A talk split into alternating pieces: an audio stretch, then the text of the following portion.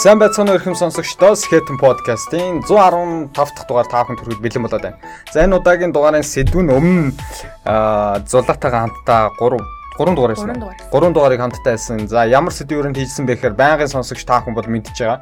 Англи хэлний ур чадвар буюу за ялангуяа гүнзгий төвшний одоо нэлээ мэрэгжлийн төвшөнд англи хэлийг судалж байгаа олон улсад суралцахыг хүсэж байгаа хүмүүсийн бэлтгэдэг, бэлтгэж өгдөг, шал олон улсын шалгалт болох IELTS-ийн шалгалтанд хэрхэн өндөр оноо авах вэ гэдэг сэдвүүдийн хүрээнд ярилцж ирсэн. За мөн энэ удаад цуврал дугаар маань үргэлжлээд ер нь англи хэл дээр унших ур чадвараа бид нэр хэрхэн үр дүнтэйгээр За хугацааны хувьд богино болно, урт хугацаанд болно. Яаж үр дүнтэйгээр бодит мэдгэдэггүй хэмжээнд бид нэр унших. Тийм, мэдгэдэггүй хэмжээнд ур чадвараа сайжруулах вэ гэдэг тал дээр ярилцсан. За нэгдүгээр хэсэг бол ингэж ярилцсан. За хоёрдугаар хэсэг дээр бол IELTS-ийн шалгалтын унших хэсэг дээр хэрхэн өндөр оноо авах вэ? За зулаагийн хувьд бол өндөр оноо авсан. Тийм болохоор өөрийнхөө туршлага дээр үндэслэж а унших хэсэг IELTS-ийн унших хэсэг дээр бол хэрхэн өндөр оноо авсан нууц хаваалцах байх гэж бодож байна. Тэгээ өөрийн бас судалсан маш олон судалгаанууд судалгаа гэхээсээ илүүтэй хүмүүсийн туршлагыг бас судалсан тийм болохоор өөрөө мэдж байгаа болоо тэрийг хуваалцах байх гэж найдаж байна. За тэгээд дөрөвдүгээр удаагийн дугаарыг хамтдаа ярих гээд өөрийн цаг зав гаргаад өнөөдөр надтай хамт сууж байгаад маш баярлалаа. За баярлалаа. А Skeleton podcast-ын сонсогч нартай бас уулзаг амар удцсан байна. Тэгээ дахиад ирээ дараагийн скиллээ ярьж байгаа тамид баяртай байна.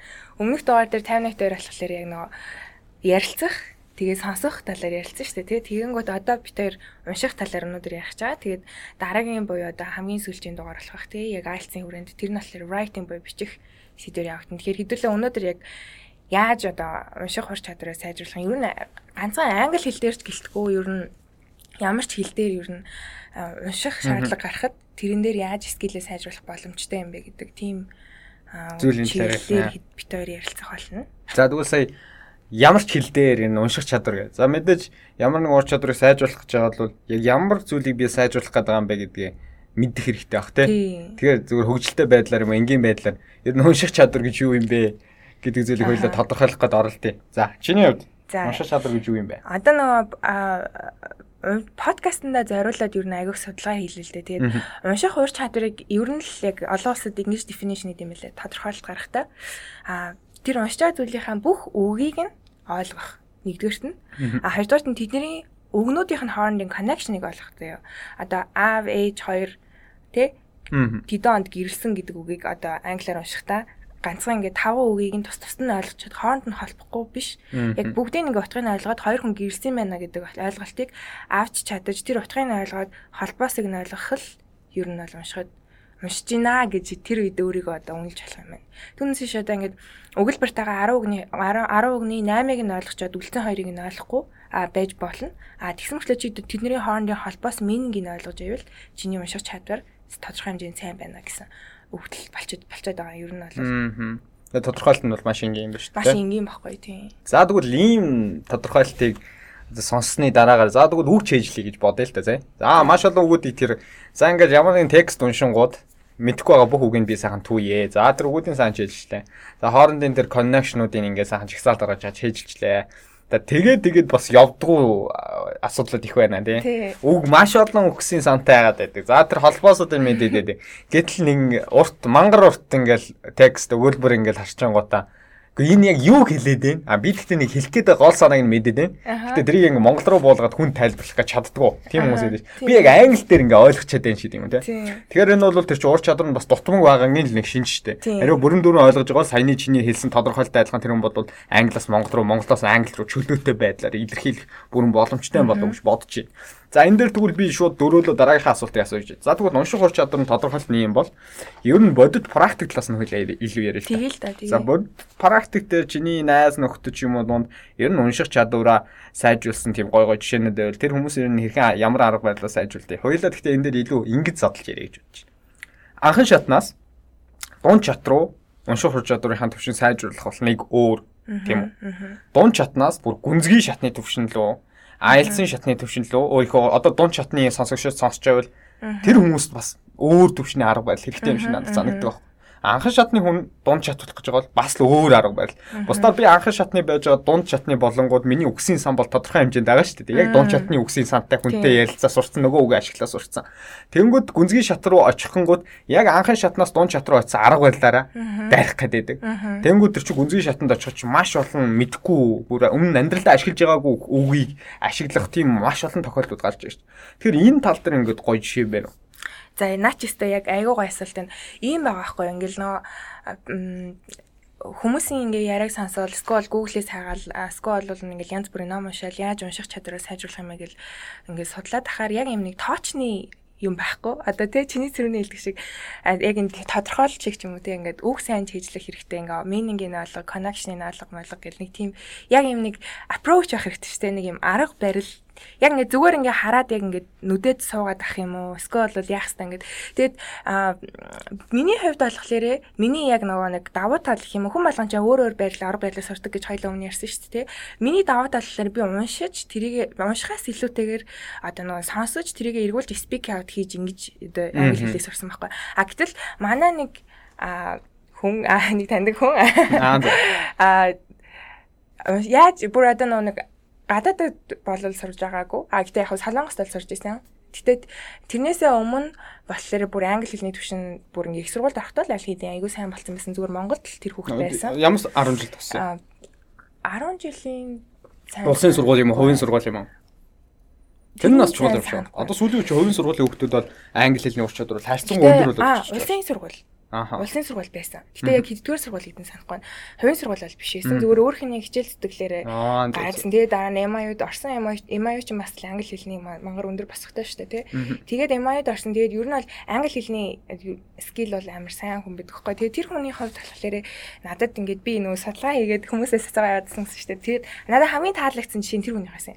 Юу гэж хэлсэн бэ гэхээр эхнээс нь юм ямар ч хамаагүй артикл уншдаг гинэ. Гэтэ мэдээж өөрийнхөө дуртай сэдвэр ч юм уу тий. Тэнгүүтлээсээ тэр артикл ч одоо нэг юм 8 лайнтай байна уу 10 лайнтай байна хамаагүй уншичаад лайныг нэг лайныг бүтэн уншичаад яг тэрнийхээ араас за мэдгүй байгаа өгнүүдээ ингээд 3 үг мэдгүй байл биччихдэг гинэ тэр нэг артиклийнхаа арт яг арттай нэг лайн гэдэг нэг мөрөө хэлж байна. Нэг мөрийг хэлж байгаа. За тэгээд нэг юм 10 мөртэй одоо нэг мөрнөөс 3 үг ч юм уу 30 үг мэдгүй шүү дээ. Тэгэнгүүт шууд одоо дикшнери тойл бичгээс харахаасаа урьдчлаа тэр хүн өөрөө мэддэг байгаа үгнүүд дээрээ дөрөөлөд тэр үгнүүдийн утгыг таах гэж хичээдэг гэж байгаа байхгүй юу? Ингээд нөө яг өгүүлбэртэй холбоод те яг ингээд за энэ нэг иймэрхүү үг байх хэвээр доо гэд яг нэг юм хар бараа юм нөө драфт гаргаж штэ тий. Тэгэн гутлээсээ тэрийгэ дараагаар нь жинхэнэ одоо нөө дикшнеритэй харьцуулж хардаг гэнэ. Өөрийнхөө таасан үгээ нөө дикшнеритэй харьцуулж харангууд ямар ямар даваа тал үүсдэг гэхээр тэгэж харсан үг хизэж мартагддаг юм байна л да. Эхнээс нь чи тэр үгний талаар ботцсон те memorize те чэжлэх гэдэг үгийг хоёлаа ингээ харж байгаад за энэ ер нь нэг ойлгох гэсэн утгатай үг юм байна да гэд ботцсон байж итл яг жинхэнэ утгын чэжлэх гэдэг үг байд юм байна гэвэл чи тэрийг дараа нь юусан мартдаг юм байна. Тэгэж нөгөө а хоёлаа өмнө хэлсэн шүү дээ те олон үг чэжлэх биш тэр үгийг чанартай одоо нэг хэрэглэж сурах гэдэг шиг яг олон үгийг одоо нэг тэр reading article дээр байгаа бүх үгийг ойлгохоос илүү тэр чанартай гэдэг үгнийх нь утгыг нь л яг ингээд мартахгүйгээр ойлгож авах нь л айгүй чухал гэдэг юм байна л да уншгаа. Тэгээд тэр хүний миний бодлоор тэр хүний англи хэл тэгээд л ер нь айгүй сайн басан бах гэж бодож байна. Тэгээд цаадны хувьд болохоор даваа тал нь уншиж бичих бичиж нөгөө нэг хилээ сайжруулсан тийм хүн байгаа байхгүй юу? Уншаа тогтоосон зүйлээ магадгүй практик байдлаар өөрөө бичдэг юм уу тийм. Энд дэр би юм бодож байна Тэгэхээр энэ одоо чинь ингээд за мөр мөрөөр ингээд яадаг гэж штэ тэр хүний жишээ нь. Би болохоор ийм арга дээр ер нь бол би бас адилхан наад хүнтэй чи төстэй нухдаг. Тэ нэг ингээд бүтэн ихтгэл ч юм уу яг дуртай сэдвээр барьж явал уншлаа тэгээ өөрийнхөө төвшин таарсан сэдв. Тэгээ нөгөөдгөө уншаад явж ангууд би ингээд мэдхгүй үг болгон гарангуут нь таахаас илүү би ингээд англиас англи ингээд тойл бичиг тойл бичиг ашигладаг аахгүй. Тэгээ нөгөө аа ийм үг юм байна, ийм үг юм байна. Тэнгүүд ингээд баг тэр чинь нэг текстийг гяс гүйлгээд уншчих юм дээр би баг 2 3 цаг алдчихдаг байхгүй. Тэнгүүтээ ийм арга барилаар яваадахаар сүулдэ өвдгөртэй санагдчихсан. Яг тэр би тэрийг дуусгахгүй байх гэсэн үг шүү дээ. Уг нь уншиж тэрнээс чи ингээд нэг юм мэдээлэл авах гээд мэдлэг авах ямар нэг юм үр дүн төрөх гээд ш дуусгачлаа. Аа би дуусгачлаа гэдэг. Тийм урам жоохон ингээд удаан ийм арга барилаар явахаар жоохон урам хугарчдаг юм шиг наадсан. Тэгээ за энэ арга барил хэцүү байна гэ. Нэг идэвхтэй уг нь эхлүүлэнгүүт ингээ хайж мэйдэг ч юм уу. Тим зүйлүүд ажиглагдсан. Тэгээ энэ дээр яах ёстой вэ гэхээр би зүгээр хувийнхээ хувьд шүү заяа. Би тэр хүний арга барилыг үүсгэж байгаа юм шиг угаасаа хүн болгонд өөр гэсэн арга барилтай шүү дээ. Хоёлаа бол өнөөдөр ингээл хүн болгоны арга барил хэлж байгаа. Одоо сонсогч нар ч зөндөө бид өөрийн мэдхгүй хар мянган арга барил мэдж байгаа. Сонсч аль нь надад тохирох гэдгээл хүмүүс өөрсдөө сонгоо штэ. Хоёлаа бол хүмүүс сонголтын л хэмж. Би болохоор зүгээр сүулт ингэж бодсон бай. Нэг текст ингээд гарах юм бол артикл ингээд уншихчих юм бол зүгээр тэрийгээ сайхан мэдхгүй үг байсан ч хамаагүй. Дуустал унш. Төвлөрөөл тэрийг дуустал сайхан уншаал дараа нь чанга дуугаар юм дахиж өөртөө хоёр дахь удаа уншдаг ч юм. Тэгээ гурав дахь дээрээ уншихтаа болохоор За одоо ч хүн мэдхгүй өгнүүдэд тодруулж байгаа нь мэдхгүй өгнүүдээ тойловчийг ашиглаад ингээд үзээд аа за за за энэ чи юм утга илэрхийлээд байгаа юм. Ингээд байгаа юм. За тэгээд дөрөвдөг удаага магадгүй тойловчийг арахгүй дахиж уншдаг ч юм уу. Ингэж ингэж нэг тодорхой хэмжээний зайтайгаар дахиж дахиж давтаж ингэж унсны дараа нөгөө зүйл чинь ингээд жоохон өөрт нь үлдэстэй хоёрдугаар чинь би дуусгачлаа тий нэг өдрийн дотор энийг унших хэрэгтэй юм а дуусгачлаа гэ. Тэгэхгүй өнөөдөр ингээд явжснаа нэг тал руу текстийн 30% руу орсон оо хамаг цаг дуусчлаа. Маргааш нэг үргэлжлүүлье. Зэрдөө нэгэн текстийг унших гэж баг 3 4 хонцдаг болоод тудлаа шүү дээ. Би бас тэгж бодсон. Наа чи нөгөө нэг миний кино үздэг аргатай адилхан юм шүү. Нэг киног ямар ч сабтайтлгаа үзээд би нөгөө хамгийн ихний подкастн дээр ярьжсэн шүү дээ. Ямар ч сабтайтлгаа үзээд бүр ингээ юу ч ойлгохгүй те тэр киноноос ингээд ярьж яхад нөгөө миний үзсэн кино чинь медуртай кино чинь болохоор ингээ бахан хайрстай хүмүүсийн тоглолтог кино. Гэтэ би racist биш шүү. Зөвхөн тэдний language нь яг ингээд жирийн одоо Америк хүмүүсийн language-аас амар өөр штэ тий. Аа илүү одоо нөгөө хурдан ярьдаг, илүү slang words амар ашигладаг. Тэгээд тэрийг ерөөсөй ойлгохгүй байсан гэсэн би тэр киног 10 удаа үзээд 10 дахь үзэхдээ ерөөсөө ямар ч асуудалгүй ойлгосон. Яг тэрүүнтэй адилхан чиний арга чинь бол яг текстээ тэгж олон дахин унших тий яг нэг текстийг тэрэндээ бүр familiarize болоод арт нь гарсныхаа дараа окей гэд тэгж байгаа. Дахиж өөрийгөө давтчихаа тий. Тэгээ тэр арга барил чинь бас таалагдж байна. Одоо тэгвэл За ингээд бодит жишээнүүдээс уйлаа нэг ганц хоёрхныг ингээд ерөнхийдөө дурдлаа. Тэгвэл мэрэгжлийн төвчний хүмүүс одоо англи хэлний ур чадварыг хөгжүүлэх багш нар гэх юм уу. Яг ингээд номын дуугийн сонсцсон маш олон сурагч нартай ажиллаад үдцсэн хүмүүсийн хувьд юу гэж зөвлөд юм бэ? За ер нь бол нэг сонирхолтой сайт болсон. Энэ нь болохоор fluentu.com гэдэг. Хойлоо одоо подкастаа засах нэг цацахта линкүүдийг нь оруулчвал хүмүүст илүү ойлгоход олоход амархан байх тий. Fluent fluent2.com гэдэг энэ сайт дээр ямар мэдээлэл байсан бэ гэхээр а staircases and scaffolding гэдэг арга байт юм байна. А ягаад гэхээр англи хэлийг сурах нь өөрөө яг нөгөө байшин барихтай адилхан гинэ. Байшин барихтаа одоо тий фундамент сайн сутгаагүй эсвэл бол ямар нэгэн материалын дутуу олгочоод тэгээд зүгээр ингээд дан ганц одоо шавраар бөмбөгдөөд иж болохгүй тий тоосгонууд өрчөөд ямар ч тийм нэг бэлгэлгээнүүд бэлгэлгээнүүд байрлуулаагүй ижиж бахан тоосго өрчөөд тэрэндээ тэрэн дотор амьдрын гэд дайраад иж болохгүй шүү тий. Яг тэрүүнтэй адилхан англи хэл сурах арга барилаа яг тэрүүнтэй ингээд адилхан холбоод үзэх юм бол жихэн одоо зөвхөн ганцхан үг чийжилдэг хүн Тэр хүн жишээл юм бол нь зөвхөн таасаг өрөөд байгаа хүнээс ялгаагүй гэсэн үг байгаа байхгүй. Тэгэхээр scaffolding and staircases гэдэг арга ямар арга вэ гэхээр а scaffolding гэдэг чинь юу нь бол шат огсрах барилгын шат гэсэн үг шүү дээ тий. А тэгэнгүүт тэр нь бол ер нь бол арга хэсэг арга хэсэг зөвлөд хэлж байгаа. Өөрөөр хэлэх юм бол өөрийнхөө мэдлэг болон ур чадварыг сайжруулах хэрэгтэй. Үнэхээр одоо унших уншина гэдэг бол өөрөө яг академик төвчний одоо үйл шүү дээ тий англи хэл дээр уншина гэхэлэр а тэгэнгүүт тэрнийг sorry яг ингээд бодит үннийг хэлэхэд үнэхээр та яг дүрмээ сайн нүдээд үгээ сайн чийжлэхгүй бол хизээч ямар ч арга барилаар уншсан гэсэн арга хэс чинь босхгүй гэсэн үг байхгүй.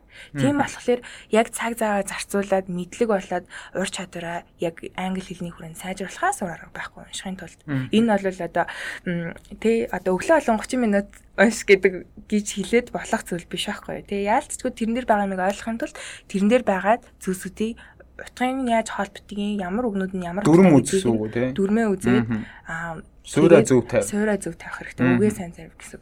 Тэгэнгүүт арга ясчин гоё босоод ирнэ. Аа тэгээд staircases гэдэг нь болохоор шат шүү дээ. Одоо нөгөө нэг төрлийн шат. Арга ясны нөгөө нэг одоо хоёр давхарлуу гардаг шат гэсэн үг тий.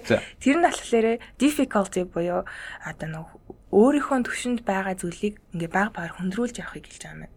Одоо чи нэг жижигхэн ингээ нэг юм аргас босгочоод тэрэндээ тохирсон жижигхэн хэмжээний амархан текстүүдийг уншаад ойлгочдөг боллоо.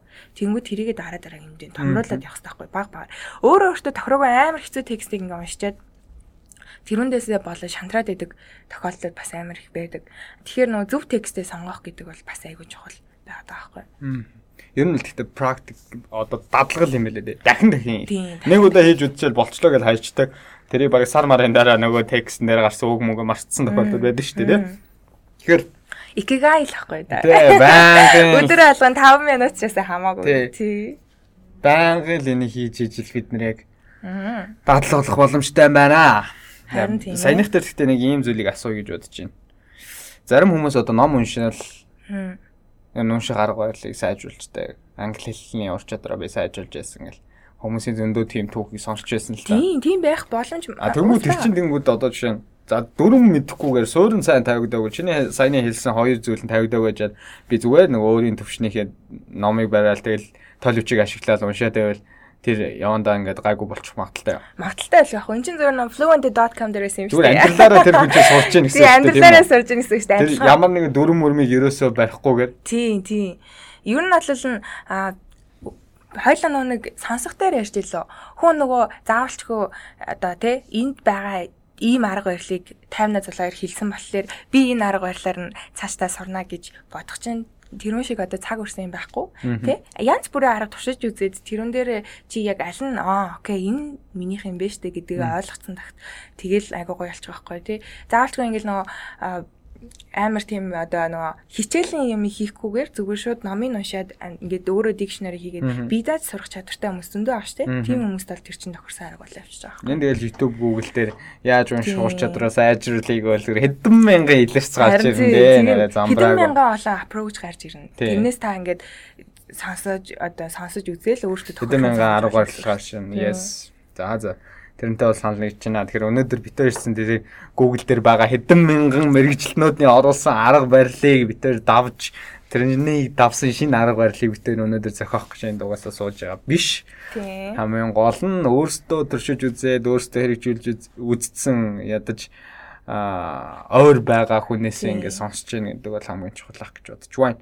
За тэгвэл унших арга барилыг сайжруулах Оо сонирхолтой сонирхолтой гоё зүгээр тийм арга барилуудын тухай тэгвэл хаалцаа. Байлаасаа мэрэгжлийн төвшин бодит түүний амьдрал гэдгсэн бол зүгээр нэг тодорхой тодорхой тийм алхмууд гээл тэгдэж шүү дээ. Тийм алхмууд байна уу? За тэгээд хэрэгтэй нэгнээ тэр олон аргууд одоо чиний хэлэх гэж байгаа нэг хэдэн арга байвал ядаж зарим нь хүн ашиглаад үдцсэн ч байгаа, зарим нь үзээгүй байгаа бол магадгүй би үүнийг туршаад үзье гэж хүмүүс сонсогч нар маань бодож магадгүй шүү дээ. Окей. А би нэг IELTS хичээл дээр болохоор хүүхдүүдтэй хүүхдүүдтэй ч гэж хичээл таврагддаг хүмүүстэй магош гэж сайт санал болгодог байхгүй. Тэр нь болохоор бас хоёлаа линк дээр оруулчих тий. Тэр нь болохоор ер нь бол TOEFL-ын шалгалт болоод IELTS-ын шалгалтын дээр яаж өндөр оноо авах вэ гэдэг талаар айгүй олон стратеги зөвлөгөө аа тэгээ дэлхийн айгүй олон орны хүмүүсийн өөр өөрсдийнх нь approach comments дээр бичсэн тийм амар гоё үнцэнтэй сайт байдаг. Ер нь бол нэлээд тийм найдаж болох сайтуудын нэг байхгүй юу? Ер нь гадаад хэл сурч байгаа. Тэгээ тэрүүн дээр байсан яг IELTS-ийн унших гэлхгүйгээр ер нь зүгээр generally англи хэлээ сайжруулах 8 одоо алхам гэсэн тийм одоо ерөнхий унших англи хэлний ерөнхий унших чадвараа сайжруулнаа. Ерөнхий унших чадвараа сайжруулах гэсэн топиктэй артиклээс. За тэрүүн дээр одоо тэр талаар хэдүүлээ ярилцъя гэж бодож байна. Тэгээ хоёлаа алхам болгон дээр нь ер нь өөр өөрсдийнхээ комментиг хэлээд чамд бас ер нь ямар санагдаж байна гэдээ яриа авчи тээ. За тэгээ нэгдүгээрт нь болохоор энэ бол угсаа хамгийн энгийн always make special time to read тий. Яг ингээд уншихад зориулж цаг гарга гэж байгаа байхгүй юу. Тэгэхээр энэ нь ядаж өдөрт 30 минут байх хэрэгтэй. За яагаад юм бэ гэхэлэр яаж тэр цагаа гаргах вэ гэхэлэр ийм хоёлын канадаа сууж байгаа шиг ийм чимээгөө орчинд тий 100% одоо бүх бэлтгэлээ базаагаад ном, дэвтэр, үзэг, унших материал, тэгээд бал харандаа, тэгээд нөгөө нэг юу dictionary, тал бичиг. Тэднэрээ бүгдийг бэлдээд цагаа тавиад 30 минутаа тавиад тэгээд бүх distraction унтраад тий утас хөгжим нь дагаад за ингээд орчин өөртөө бүр ингээд хүчин чармаалт гаргаж бэлтгэнэ энэ нь яагаад хэрэгтэй вэ гэхээр тархичин окей би энэ нэг юмд бэлдээд байгаа маань гэж бодонготлоосаа тэр хийж байгаа юмдаа бүр илүү фокус өгдөг гинэ. Яг ингээд зүгээр автобусан тахтаа ч юм уу тий эсвэл найзуудаа юм ярьж хажууд нь унших гэхээр тархины өгж байгаа фокус байх хэдий ч чиний 100% өөрөө цаанаасаа бэлдсэн тэр орчингоос аль харьцуулахгүйгээр айгу бага л байт юм байна л да. Тэгэхээр тэгж бэлдэж бүр юм уншихтаа цаг зарцуулах хэрэгтэй. Гэсэн хамгийн ихний зөвлөгөө чи юу гэж бодож байна? Би бол угаас 100 санал хийж байна. Одоо ер нь хэл зурах чинь 100 төвлөрөлтэй буюу сахилга баттай холбоотой болчиход шүү дээ. Тухайны төрлөх авиас маяас ур чадвар гэдэг зүйл бол нэг төдийлө яригдахаарг болсон юм шиг санагдсан.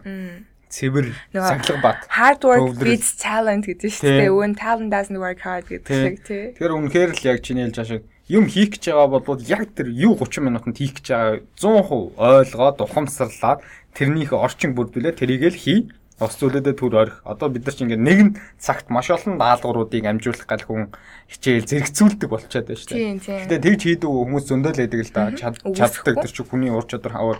Би бол жишээ нь бол нэг цагт нэг л юм дээр төвлөрч чаддаг. Хоёр юм зэрэгцүүлж чаддаггүй төрөл юм байна. Тэгэхээр бол энэ нь бол их чухал. Тэгэхгүй ажлынхаа хажуугаар ч юм унших чадвараа сайжруулна гэж би жишээ нь ажил дээрээ ингээд 20 минутны текст уншиж гарах юм бол энэ худлаа байдаг. Яагаад тэгэхээр ингээд 10 минут уншаад яж хаад тэндээс нэг хүн тавина тим юм хийгээд тэгчээд юм уу. Танаа энэ дээр хойлоо нэг ярилцаатай.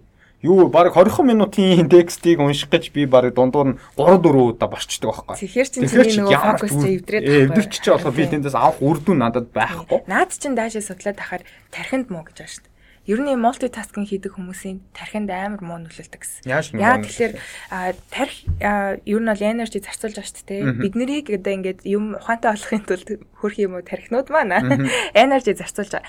А гítэл бид нар яг зарцуулаад дөнгөж окей гэдэг ингээд тодорхой хугацаа аваад нэг юм дээр фокуслж яж хатан тэрийг ингээд нураачдаг. Тэгээд одоо хүүхдүүд лего тогломоор байшин барингууд нурааснаа дахиад барь Гэт тэгснэ барингууд нь ураасна дахиад барь гэдэл ямар ах вэ тийм үстэй. Яг тэрүүнтэй адилхан. Тархины фокуслох чадвар чадвар ер нь бол жоохон хугацаа шаарддаг төвлөрхийн тулд. А тэгээд төвлөрж явах үед нь дунд нь яг дистракт хийхгүйгээр яг нэг юмдаа нэг удаа төвлөрөх юм. хамаагүй үйл өөр бүтээлтэй байгаа байхгүй тийм. Тэгхгүйгээр яг ингээ мультитаскинг хийгэлтэй тэнд нэг юм хэлжэл тэнд нэг хуцаар ярил хажуугаар нь айлц гээд амар олон хүмүүсийн амьдралын юм яг ийм байдаг. Гэхдээ ноо ингээл аль аль нэг юм яг perfect амжуулахгүйгээр ингэж олон юм салбансан чинь эргүүлээд бүр тархинд ч хүртэл муудаг болохоор нэг юмдыг гой цагаа гаргаад фокуслаад ядаж англи хэл дээрээ те тэгж явах нь илүү дээр ах гэж бодож байна. Аа 100 санал гэж энэ төвлөрөлтэй холбоотой гой контент гаргах юм уу төвлөрөлтэй холбоотой таныг 100% төвлөрүүлж чадах муу заргууд энэ төр гой ном ном бичих юм бол нэлээд борлуулалт энэ таах. Тийм хичээл мичээл ордог ч юм уу те. За хоёрт гаргана. За хоёрт гаргана. Хоёрт гаргана болохоор read the right books буюу зөв ном унш. Түрүү хэлсэн шүү дээ чи өөрийнхөө сонирхож байгаа сэдвийг ол. За би жишээлбэл одоо бизнесийн бэкграундтай хүн байлаа гэхэд надад инженер барилгын талаар яг текст унших бүр ямар ч тийм байхгүй байхгүй. Санах төрөхгүй те зарим өгөнч мэдэхгүй шүү дээ. Тийм, тийм байхгүй. А тэгэнгүүт тийм текстийг би өөртөө хүчээр ингээд өдрө болгон 2 цаг уншин гэдэг байвал яг уу үнэхээр эксгүүл рүүгээ за болио болио. Болио л гэж бодно. Тийм үстэй. Тэгэхээр тэрний оронд одоо хувц загвар ч юм уу тий. Эсвэл бол солонгос кино ч юм уу тий. Эсвэл бол надаа а өөр сонирхолтой юм аа хүний нөөц ч юм уу. Тиймэрхүү өөртөө сонирхолтой салбаруудаар хүн ингээд төвлөрж унших хэрэгтэй. Энэ бол угаасаа чухал. Тэгэхээр өөртөө өөрийнхөө юу дуртай гэдгийг олох хэрэгтэй гэсэн. Хоёрдугаарт нь reading level буюу өөрийнхөө төвшөндөө тааруулж уншил та. Тэгээ та өнөөдөр intermediate төвшний хүн байлаа дунд төвшингээ яаж мэдээ? Шалгалт өгж үү шалгалт өгөөд мэдээ штэ. Тийм одоо тэгээд нэг баахан төвшин A1-ээс C2 хүртэл төвшингүүд A1-ээс C2 шалгалт өгж шүү мэдгүй те шалгалт өгж төвшинд нь. А эсвэл шалгалт өгөхгүй байлаа гэсэн нэг юм текст уншаад үзэхэд л угаасаа танд ойлгогдох ойлгогдох нь тодорхой болоод ирнэ штэ тий? Тэгээд тэр төвшөнтэй хүн байж заавалчгүй одоо академик төвшний айлсан юм ч юм уу уншиж өөрийгөө заавах хэрэггүй. Яг тухайн төвшөндөө таарсан юм ал айгуу сайн ойлгодог басны дараагаар окей. Тэгвэл би дараагийн төвшин рүү одоо гарах болчихжээ гэж бодоод ингэж ингэж явах юм байна л да. Тэгэхээр нөгөө хойлоо амирх ярьдэн штэ энэ талаар нөгөө нэг хийж байгаа юмдаа амар дуртай өөрийгөө нөгөө заавахгүй хийх хэрэгтэй гэд тэгээд байна штэ. Тэр л яг энэн дээр гарч ирсэн юм шиг санагдсан. Би бол арай эсрэг хүндрүүнд дайртай штэ. Хүндрүү. Өөрийнхөө төвшингээс айлдах жоохон давсан Тэгэхгүй ингээ бүх ихэнх үг нь мэддэг текст мекст уншихад хичнээн сонирхолтой сэдв байсан чинь их урангуй санагдаад. Тэр харин чи хүрчээд өөрийгөө мэдэх байхгүй. Аа окей би дараагийн шинд явах. Тэгвэл дараагийн левел дээр очингоо тэр нь хүндтэй байл яхаа. Тэгэл тэрийгээ тэгэл дахиад уншаад эхлэх хэрэгтэй байхгүй. Яг л өмнөх левел чамайг аль хэдийн satisfaction өгөхгүй өгөө болсон биз дээ. Тийм. Тэгэхээр чи илүү идээр юмд crave хийж аргагүй байхгүй. Аа.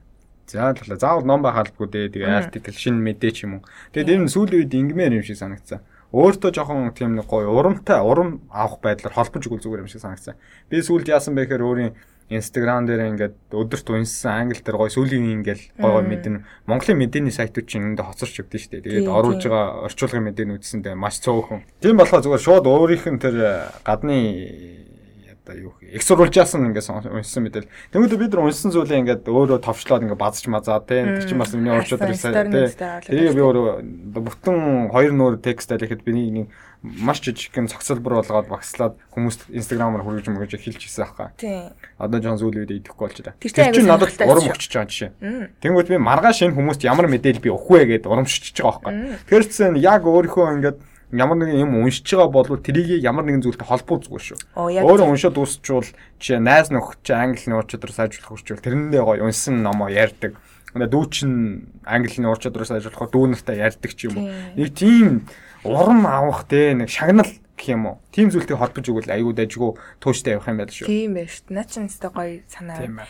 Тэр нэг одоо өөртөө тохирсон төвшний левелийн юм аа хаанаас олох вэ гэхэлэр хоёлоо бас энийг нөгөө нэг цацгтаа оруулчих тий. Дөрөв одоо аюу гоё сайт болсон. Тэр нь Listopia, Your Next Read, Jelly Books, Witch Book гэдэг дөрвөн сайт байгаа. Тэгээ artlandanda.com гэдэг байгаа. Тэгээд ийшээ ингээ оронгоо шууд search page дээр нь та нар өөрсдийнхөө хүсэж байгаа одоо тий би интермедиат төвшний хүн байна. Аа би ийм юм дуртай гэх тэнгүүд тэр чинь тохирсон юм линкүүд гаргаад ирдэг. Шууд амар гоё. Тэгээд тийш ингээ ингээ оронгуутлаас ингээ сонирхолтой юмнууд олоод уншчихдаг гэсэн. Айгу смарт сайтууд. Хоёулаа дүүл энийг э, description юун дээр мэдээлэл оруулахтай ингээ оруулж одоо ингээ аль болох юм гэхдээ монголоор ингээ подкаст дээр яхаа хичээдэг хичээдэг болцсон. Аха. Тийм бол одоо ингээ янз бүр англиг дундуур нь тийм бол аль болох тэрийг засвар залруулж ингээ хэлхийг хүсдэг болсон байгаа шүү. За окей. Тэгвэл саний мэдээллийн оруулгаар оруулнаа баярлаа. Дараагийнх нь арга байна уу? За дараагийн арга нь болохоор ask yourself questions while reading and after reading буюу одоо нөө уншиж явах үедээ олон уншныхаа дараа өөр өөрөөсөө асуулт асуух хэрэгтэй юм байна л та. Хм за. За яагаад тэгэхээр уншихаа өмнө яг ямар асуулт өгдөг өөртөө тавьж одоо тэр текстээ харах вэ гэхэлэр одоо яг тэр нөгөө бит уншиж байгаа тэр сэдвээ харж агаад ямар нэгэн тэгээ болд буюу одоо тодор тодруулсан үг байна уу? Ийм италик буюу нөө далигаар бичиж оруулсан үг байна уу. Аа тэгээд ямар нэгэн гарчиг нь юу вэ? Жижиг хэмжээний гарчгууд нь юу вэ? хүмүүсийн нэр дурддаж гин үү? Ямар харилцан яриа явагдаж гин? Энэ текст хэр урт юм бэ? Хэр богинохан юм бэ? Зэрэгүүд дийг ерөнхийдөө ингээд анзаарангаа текстээ нэг юм аюу яд штэ тий урьдчилаад нэг хардаг да тий гүйл гэж хардаг гүйл гэж харангаа хийх хэрэгтэй. За ингэж хийчээд тэрнийхэн дараагаар уншлаа. Уншсныхаа дараагаар өөрөөсөө ямар асуулт асуух вэ гэхэлэр тэр текстээ эргүүлж тавиад бүр ингээ харахгүй гэсэн үг шүү дээ. Тэгчээд за сая би юуны талаар уншиж юу гэж өөрөөс асуух хэрэгтэй. Тэгээд өөрөө өөртөө хариулж хэлэх хэрэгтэй. Тэ? Эсвэл дүүдээ. За чи надаас сая намайг юуны тухай уншсан гэж бодож ингэж хариулж хэлэх хэрэгтэй. А за тэрний дараагаар ямар нэгэн чухал тийм одоо point гэсэн тий чухал одоо тийм ач холбогдолтой мэдээлэл дараа одоо толгойч үлдчихэж байгаа гол зүйл нь юу байна? Шууд яг тэр доор нь штэ асуух хэрэгтэй. За тэгмүүлээ дараагаар нь ямар нэгэн чиний яг ойлгоогүй тий чамаг бүр ингэ нөгөө төөрөлдүүлсэн хэсэг юу байна гэдгийг бас ойлгох хэрэгтэй. За тэгээд бүр ингэ гайхшруулсан тий бүр санаанаас ч гарахгүй байгаа хэсэг нь бас юу байгаа вэ гэдгийг ярих хэрэгтэй. А тэгээд хөтлөөсөө юуг ойлгоогүй вэ гэдгийг бас ингэ ярих хэрэгтэй. Ингээхлээр чи нөгөө дараа нь тэр уншсан зүйлийн хар зургийг гаргаж ирэх байхгүй юу. Тэгээд тэрний тэрийг ингэж харчаад өөртөө хариулчаад дахиж тэрийг уншиж болж штэ. Тэгэнгүүт энэ тэр бүх асуултууд чинь хариултууд гараад ирэнгүүт чи тэр уншсан текстээ яг ойлгох чадвар чиглэлээр нэмэгдэж байгаа гэсэн үг байхгүй. Энэ бол амар гоё тийм шин санаа юм шиг санагцсан. Ингэж л сонсогдож байна л да миний бодлохоор одоо жоохон эхлээд нэг гүйлгээд ингээ уншчихгоо жоох одоо хоолтой харьцуулбал жоохон түүхий болцсон тийм. Төмсөн жоохон атуу. А тэгэнгүүт дараа нь ингээд уншиж дуусныхаа дараа дахиж ингэж давтаж өөрөөсөө асуулт асууна гэдэг бол нэгсэндээ бүрэн болгож байгаа. Дахиж ингээд чанж төмсийг ингээ ялзартлан сайхан чанаад сайхан бүрэн бүтэн болсон хоол идэх гэж байгаа шиг. Тиймэрхүү үр дүндэл хүрэх гэж байгаа юм шиг надад санагч зүгээр нь булхтаад өнгөрөх үү штэ өөрөөр хэлбэл тэр текстийг судлана гэсэн үг байхгүй үлдэстэй л юм байна л тархин дараа нь үлдэстэй болно гэсэн үг.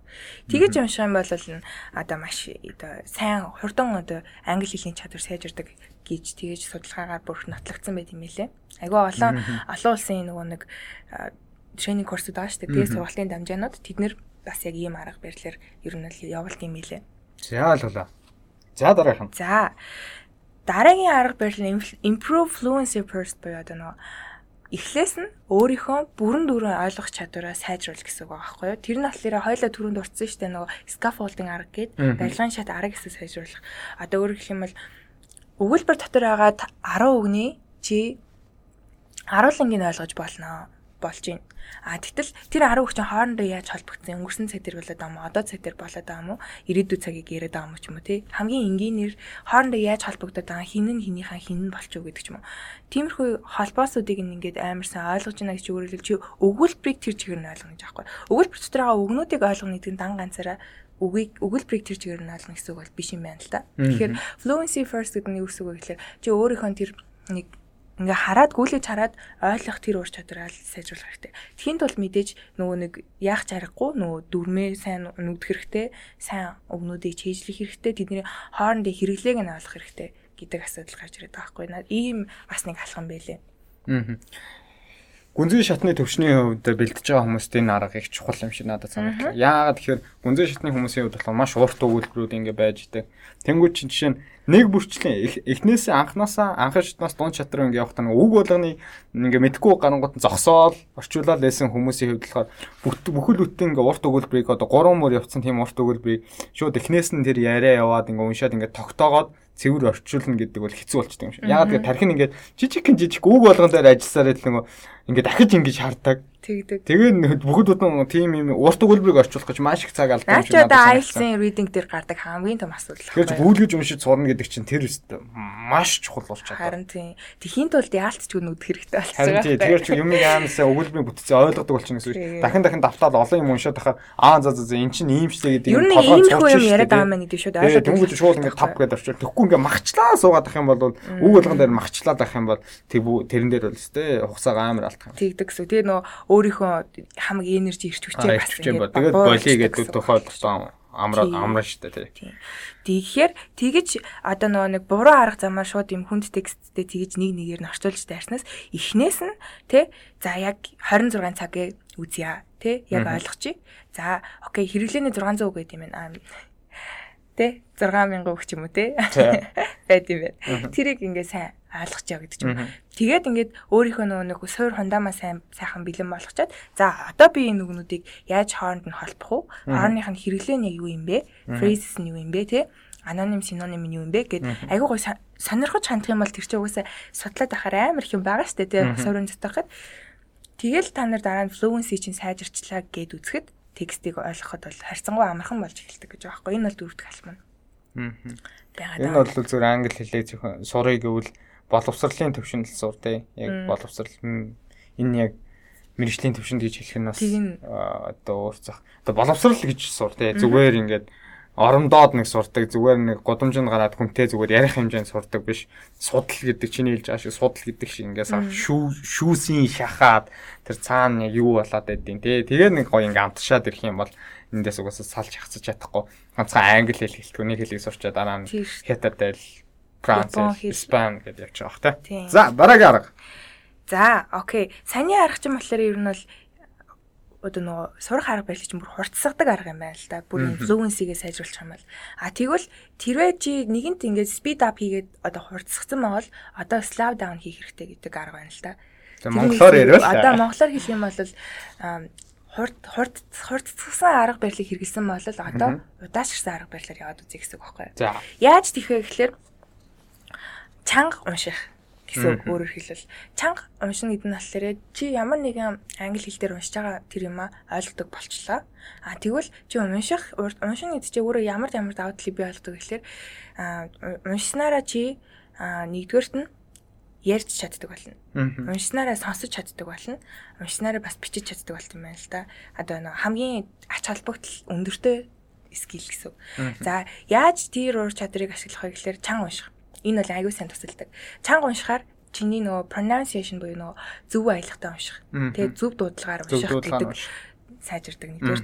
Хоёрдугаарт нь чи өөрөө өөрийгөө сонсохоор эргүүлээд listening буюу сонсох чадвар чинь бас сайжирдаг. Гуравдугаарт нь чи чанга ярихлаар энийг юм нөгөө хөтлөгч нар чинь яг мэдээндээ гарахынхаа өмнө нэг амны бэлтгэл хийгээд идэг да нэг юм амаа янз бүрээр хөдлөө. Яг тэрнтэй адилхан дасгал хийж байгаа гэсэн. Дараа нь чи ярьж англиар ярихад чинь чамд тэр өгнүүдийг хэлээд илүү амар болсон байдаг. Юм тэгээ нүүрний булчин сайн ажилтдаг юм шиг л шүү дээ. Англи хэлээр ярихад. Тийм ээ нөө. Тий. Тэнгүүд төр чи нөгөө нүүрний булчин гоё ямар ч булчин хөгжүүлэх хэрэгтэй шүү дээ. Тэгэл чиний хэлж байгаа шиг давтан давтан уншаад хахад тэр чинь нөгөө тэр үгийг хэлж яах гэдэг чинь бүхэл бүтэн нүүрний булчин өөрөө цэвэр ажиллаж байгаа шүү дээ. Тэгээ цэвэр хэлээд хахад чинь нөгөө булчин чи өөрөө зөв тогтоод ингээд ажилласан. Тийм болохоор дараа нь тэр үгээрээ ярихад ч юм уу илүү цэвэр дуудлагатай ярих боломжийг өрдүүлнэ.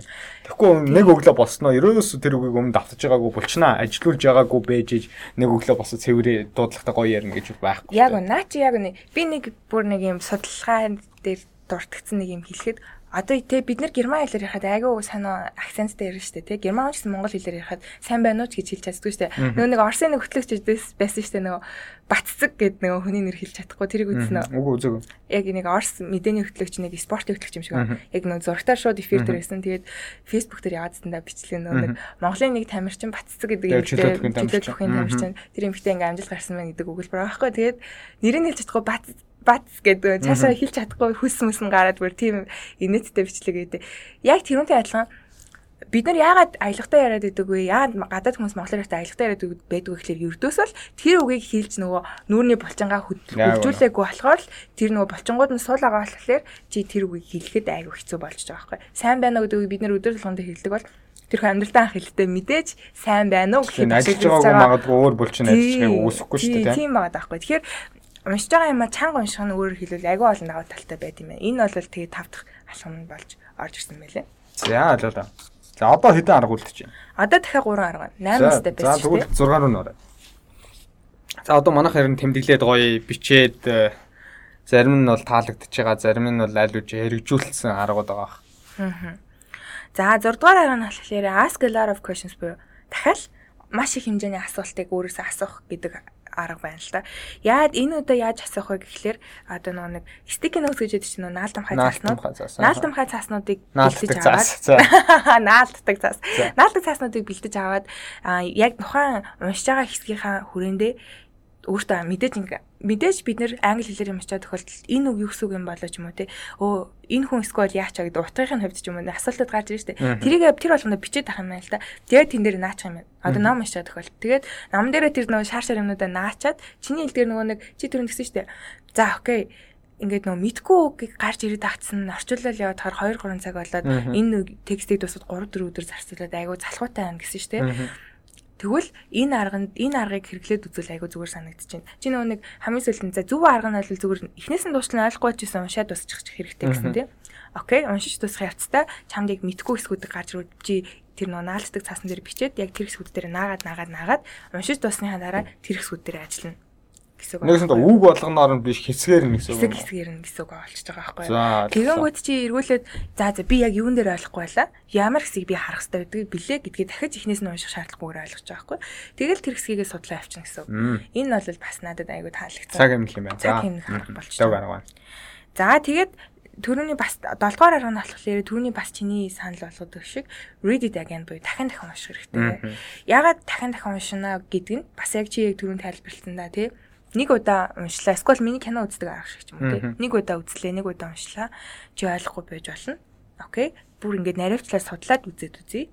За арай дээр ойлгож ирж байна. Одоо би ямар ч одоо тайл бичгийн тусламжгүйгээр дахиад нэг уншаад үзье ч юм уу тий. Янз бүрийн одоо нэг хандлагаар тэр нэг текстэндээ хандаад уншаад авах юм бол хамгийн сүүлд нь чи тэр текстийг бүрэн хэмжээнд ойлгох чадвартай болно гэсэн үг байхгүй юу? Аа орчноо бас илүү зүгээр юм шиг л. Одоо нэг удаа уншихдаа гэртээ суугаад уншсан бол заавал дахиад гэртээ давтаж уншихын оронд дараа нь ажлын байран дээр ч юм уу. Номын санд ч юм уу. Номын санд ч юм уу. Орчноо солиод нэг 4-5 өөр газар байхдаа уншаад үзчих юм бол бас тэр хүнийг өөд хаасан сэргийлэх юм шиг санагдсан шүү. Тийм, наац ч юм бас гоё санаа. За тэгээд хамгийн сүүлд нь болохоор орчноос солихоос гадна бас уншиж байгаа сэдвүүдээ бас сольж болно гэж байгаа. Тэгээд а англи монгол тойлоод штэ нэг алтан гэрлийн тойл бичиг гэж шаалтартай. Алдартай. Тэр тойл бичиг бол сайн тойл бичиг аа. Гэхдээ тэрнээсээ илүүтэйгээр англи англи тойл бичиг тий англи үгийг англиар нь тайлбарлалтан. Тийм тойл бичиг анханасаа ашиглаж явж сураарэ. Одоо хүмүүс угаасаа аппликейшн ашиг. Одоо энэ цаасан тойл бичиг ашигладаг хүмүүс өөхмөхөө. Аппликейшн ашиглаж аппликейшн ашиглаж байгаа. Зарим нь болохоор лаптоп дээрээ зүгээр одоо Cambridge гэл маш олон дикшнэрийг ингээд Google дэж гаргаж ирэл шууд ашигладаг болсон байна. Тийм тэгэж ашиглах нь илүү дээр юм бэлээ гэж юм Нэр нь бол англиас үнэхээр гүнзгий шатны төвшөнд хэлээ сайжруулээ тэр төвшөнд очие гэж бодож байвал яаж ч утсан англиас англи нь хамгийн зөв сонголт гэдэг дээр бол маш олон хүн санал нэгдэх хоо. Тэр анхан шатнаас дуун чат бол яалчгүй англиас монгол хэлний хэл бичиг ашиглаад явахад бол зүгээр ах. Тэгэхээр хүний нөгөө зорилго зорилгоос л амарч. Тийм. Одоо жишээлбэл англи хэлэн дээр аягүй хэрэглэгдэг мөртлөө монгол хэлэн дээр орчуулахад сонио орчуулагддаг үгнүүд байдаг байхгүй юу? Гэхдээ би яг одоо жишээ аа Тэр үгнүүд тийм тийм ер нь бол enerate гэдэг үг байна. За. За enerate гэдэг үг чинь болохоор ер нь бол юу гэсэн үг байхгүй юу? Diminution of energy гэсэн үг байхгүй юу? Өөрөөр хэлбэл энергийг сорох энерги чинь ингээд сулдах гэсэн утгатай. А тэнгууд тэрийг ингээд тойлогчийн дээр сарангууд багасгах, буурах, болиулах Монгол тойлогчийн Монгол тойлогчийн дээр орчуулга нь багасгах, бууруулах, болиулах, цөөрөх гэсэн утгатай орчуулсан байдаг. А гэтэл яг англиар нь уншингууд яг юу багасч байгаа гэхэлэр чиний дотоод сөүл буюу энерги чинь багасгаж байгаа гэсэн л утгаар хэрэглэгдэг. Түүнээс diminish-тэй decline гэж зөндөө олон багасгах буурал цөөлөх гэсэн үг байна шүү дээ. Яг зөв утгын та яг хаанаас ажиллах гэхээр англиас англи толгой. Cambridge бол надад зүгээр санагддаг дөө.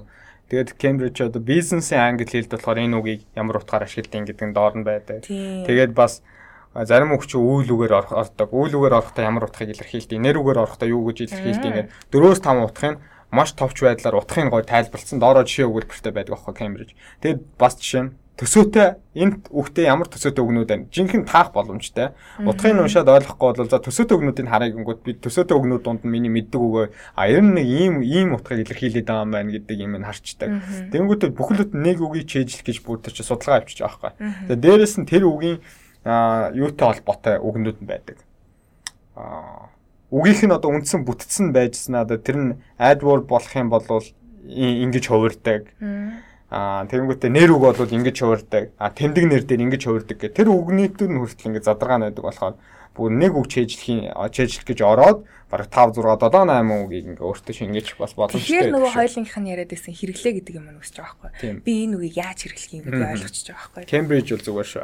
Кембрижийг санал болгоод тийм. За тийм ээ. За баярлалаа. 8 арганууд сонирхолтой гой гой аргууд. Миний бас зарим нь мэдэхгүй аргууд бас явж байна. Нь нөгөө миний айгу найддаг одоо нөгөө мэдээлэл айгу авдаг сайт дээр байсан болохоор би айгу ихтэй авдаг. Эксрүүлжин дэж баг. Эксрүүлжин айгу сайн байхгүй. Наа хүмүүс угаасаа зөндөө юу судалсан байгаа. Тэгэл тэр дундаас битүүрийн ярьсан зүйлүүдийг нэмэлт мэдээлэлүүд байх юм бол аваад амьдралдаа хэрэгжүүлэхэд бол хүн ер нь юм ихтэн гэж байхгүй шүү дээ. Сурах гэж байгаа юм даа л те. Тийм шүү. За одоо түл сүүлийнхээ хэсэг рүү ер нь орё гэж бодож байна. Сүүлээс хоёлаа ерөнхий англи хэлний унших ур чадварын талаар нэлээд ярьлаа. Мэдээж одоо тэгэхээр чиний гол одоо энд сууж байгааг чи бас нэгэн шалтгаан бол IELTS-ийн өндөр оноо авсан. Тэгэхээр тэр туршлага дээр үндэслээд Оо IELTS-ийн унших ур чадвар тэр хэрхэн өндөр оноо авах боломжтой юм бэ? За тэгээд өөрийнхөө гой туршлагаасаа үндэслээд гой хуваалцаж. За тэгээ. Аа би IELTS-ийн reading дээр болохоор 8 он авсан байхгүй юу. Тэр нь болохоор максимум 9 оноотой шалгалт юм чинь. Аа ер нь бол C2 төвшний academic төвшний оноо гэсэн үг.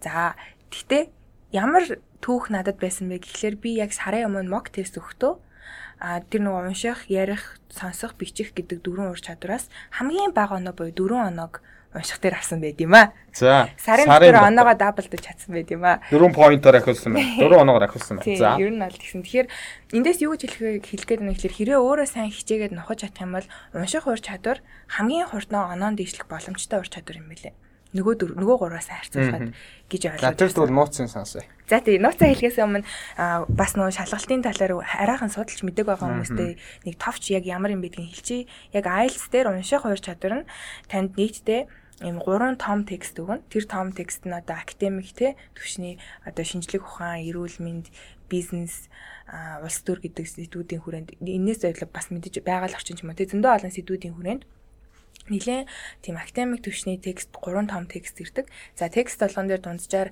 12-оос 13 асуулт дагалдаж ирдэг. За тэгээ нийтдээ бол 40 асуулттай 3 тексттэй. За тэгээ та тэр бүхэнд 60 минутын дотор хариулдаг тийм шалгалт байгаа шүү. За За тэгэхээр миний туршлагаас гэх юм бол би яг нөгөө Cambridge-ийн тухайд 2 жилийн өмнө Cambridge яг 13 Cambridge-аас гаргасан тийм дадлагын тест practice хийх боломжтой ном байсан. За тэгээ тэр номнууд дээр э, байсан бүх одоо унших хэсгийн одоо шалгалтын хэсгүүдийг бүгдийг хийж дуусгасан байгаа. Өөрөөр хэлбэл маш их дадлага хийсэн гэсэн үг. Одоо 4 оноо авсан гэхэр чинь миний хувьд хамгийн найдвар багтай мөртлөнгөөсөө хамгийн их хичээх хэвээр салбар нь болчихж байгаа хгүй уур чадвар нь байхгүй. Хэсэг нь тийм. Тэгэхээр тэрэн дээрээ маш их бусад гураасаа илүү их одоо анхаарал хандсан байна шүү дээ. За тэгээд тэгж ажиллахдаа юу яаж хийвэл зүгээр юм бэ гэж бодохоор яг нөгөө цагаа тавиад 60 минутанд би хийх хэрэгтэй юм чи анханасаа л яг 60 минутын дотор л хийж эхэллээ. Яг шалгалт өгж байгаа юм шиг тий. Тэгэхгүй бол нөгөө хүмүүс за 40 асуултаа би анхааралтай сайхан 50 хариулаад үзье дэгээд тэр тэр бол айгүй хэрэггүй цаг алдсан юм шиг санагц. Яг анханасаа л чам 60 минут байгаа. Тэрэндээ яг үнэн ч хандаад өөртөө яг 60 минут дээр алаарм тавьж агаад тэсрүүлэг тавьж агаад тэгээд ингээд хийгээд эхлэх хэрэгтэй гэсэн тийм юм бодсон. За тэр бол надад айгүй зүгээр санагдсан. Яг тэгэхээр тэгэж хийгээд ахаар сүлөөгөө бүр илүү хурдан хийгээд сурчдаг юм байлээ. Тэгэхээр дараа жинхэнэ шалгалтын дээр таны цагтаа амжих магадлал илүү өндөрсөд явчихдаг гэсэн үг байхгүй юу? За тэрний дараагаар ер нь бол яг унших дээр э, бүр ингээд тэг видео байдаг бол ч юм уу эсвэл бол хүүхд одоо хүмүүс сонирхож байгаа хүмүүсийн танхим цоглуулж аад бүр ингээд самбар дээр тайлбарлаж ярихгүй болохоор одоо ингээд шууд энд ингэдэг гэдэг ярих гэхээр нөө төсөөлөл энд чинь гол нь бодит төсөөлөл өгж ийж ярих ярих зүйл юм шиг сансан. Тэгэхээр би яг энэ подкастн дээр зөвөр яхав яг хэрэгтэй гэж бодсон юмдаа л зохиос дуртай гэж бодож байгаа. За тэрний нэг нь болохоор яг нөгөө гол өгнүүдийг буюу төлхөөр өгнүүдийг аягүй сайн таньж аваад тэр текстнээсээ тэрний тоор ингээд доогоор нь зурах хэрэгтэй. Одоо тэр үгээ ингэж тодруулж бичих хэрэгтэй гэсэн үг. Тэгэж хаарлаа нөгөө зөв үгнүүд дээрээ байрлуулснараа асуултаа яг зөв тексттэйгээ холбож чаддаг болт юм билээ. Тэр бас амар чухал гэж бодогдсон. За тэгээд бас нэг сонирхолтой юм хэлээд нөгөө 13 асуулт одоо нэг текстэн дээр хийж байгаа гэсэн шүү дээ. Тэрийг 13 асуултныхаа шууд 3 асуултыг нэг дор цээжлээд тэгээд тэр 3 асуултаа нэг зэрэг текстнээс хайж үзэл үзээрэй гэж хэлмээр нэг одоо айлц билж байгаа юм байна. Тийм бол та цаг хэмнэх боломжтой. Дээрэс нь нөгөө нэг Cambridge-аас тэр шалгалтын материалыг боловсруулж шүү дээ. Боловсруулалтаа мэдээж нийтэд ямар ойлголттой вэ гэхээр яг нөгөө 13 асуултны дараалал, текстний дараалал хоёр адилхан байдаг гэж боддог. А гэтэл яг үнэндээ бүх тохиолдолд адилхан байна гэсэн үг бол биш юм лээ. Одоо дээр дор орсон байх тохиолдол маш их байдаг. Ер нь ихэнх текстэн дээр дор орсон байдаг. Тэнгүүд хүмүүс нөгөө за энэ асуултны хариулт яг энэ би өмнөх хэсэгт байгаа. Өмнөхийн энэ хэсгээс олсон юм чи одоо энэ асуултны хариулт энэ хэсэгт л байгаа даа гэд хайгаад амар цаг алдаад байдаг. Гэтэл гурван асуултыг зэрэг хичээжлээ тэндээс хайх юм бол нь цагаа хэмндэг. Яаж хэмнэж байгааг нь л ойлгож байгаа дээ. Тэр гурван асуултыг яг нөгөө бүдрэхгүй яг хаана хаана байгаа вэ гэдгийг гурлын шийдэлсэн болохоор олчж байгаа гэсэн үг байхгүй юу. Тэгэх юм бол дахин дахин асуултаа уншаал дахин дахин текст уншаад авахгүй гэсэн. Тийм бай. Сонгодог арга. За тэгээд нөгөө асуултны төрлүүд байгаа шүү дээ. Ер нь бол дунджаар нэг 15 6 асуултны төрөл байгаа за хөснөгтэйж болно ABC-гээ сонголт хийж болно өөг нөхөж болно гэдэг юм. Тэгэхээр тэр асуултны төрлүүдийг бас сайн нэг нэгээр нь судлах хэрэгтэй. Яг одоо хөснөгтөн дээр хөснөх төрлийн асуултан дээр би ямар арга барил ашиглаж энүүн дээр ажиллавал илүү надад амар байх вэ? Илүү одоо зөв байдаг юм бэ гэдгийг. Ер нь бол англи хэлэндээ бүр амар мундаг заяа. Бүр ингээд австрал австрал ингээд ажиллаад ирсэн хүн байла. Гэхдээ тэр хүн шууд маргааш IELTS-ийн шалгалт өг гэвэл sorry өндөр нь авч чадахгүй яг эн чинь IELTS шалгалтны яг нууц нь юм даа юм гэхэлэр та өөрийнхөө мэдж байгаа мэдлийг яаж тэдний зохиосон тэр стратегт ингэж нөгөө тохируулах вэ гэдэг л баггүй юу. Тэгэхээр одоо асуултны төрлийг судлах гэдэг бол тэрийг судалж байгааг нэг хэлбэр гэсэн. Тэр тэрүүнээр яг одоо IELTS утгагүй хж байгаа хүмүүсээ бол тэрүүн дээр сайн анхаараарай гэж хэлмээр байна. Тийм тэгээд нэг сарын дотор оноогоо дагбалдсан болохоор бардам хилээд байгаа ер нь бол унших чадвар чадварыг чи сайн анхаарч хийж чадах юм бол хамгийн хурдан дээшлэх боломжтой хэсэг юм байлээ шүү. За болоо. Ерөнхийдөө ингэ болцсон нэ тий. Тэг ерөнхийдөө бол ингэ болцсон. Яг энэс цаашаа өөр юм ярих гэхлээр яг нэг бодтой нэг юм харуулж байгаа юм. Ингээд анги танги уншуулж байгаа юм. Тийм юм байна. Бадлаг хийж үзчихээ. Яг ийм байд юм а гэж ярих гэдэг байхгүй. Тэгэхгүй тэгэл ингээл одоо тий. За одоо яг энэ хэсгээс хүмүүс яг сонсогч нарын толгойн жоохон боож байх. Тийм гэсэн. Тэгээд бас айгуу жоохон уйдгартай авах гэж бодож байна.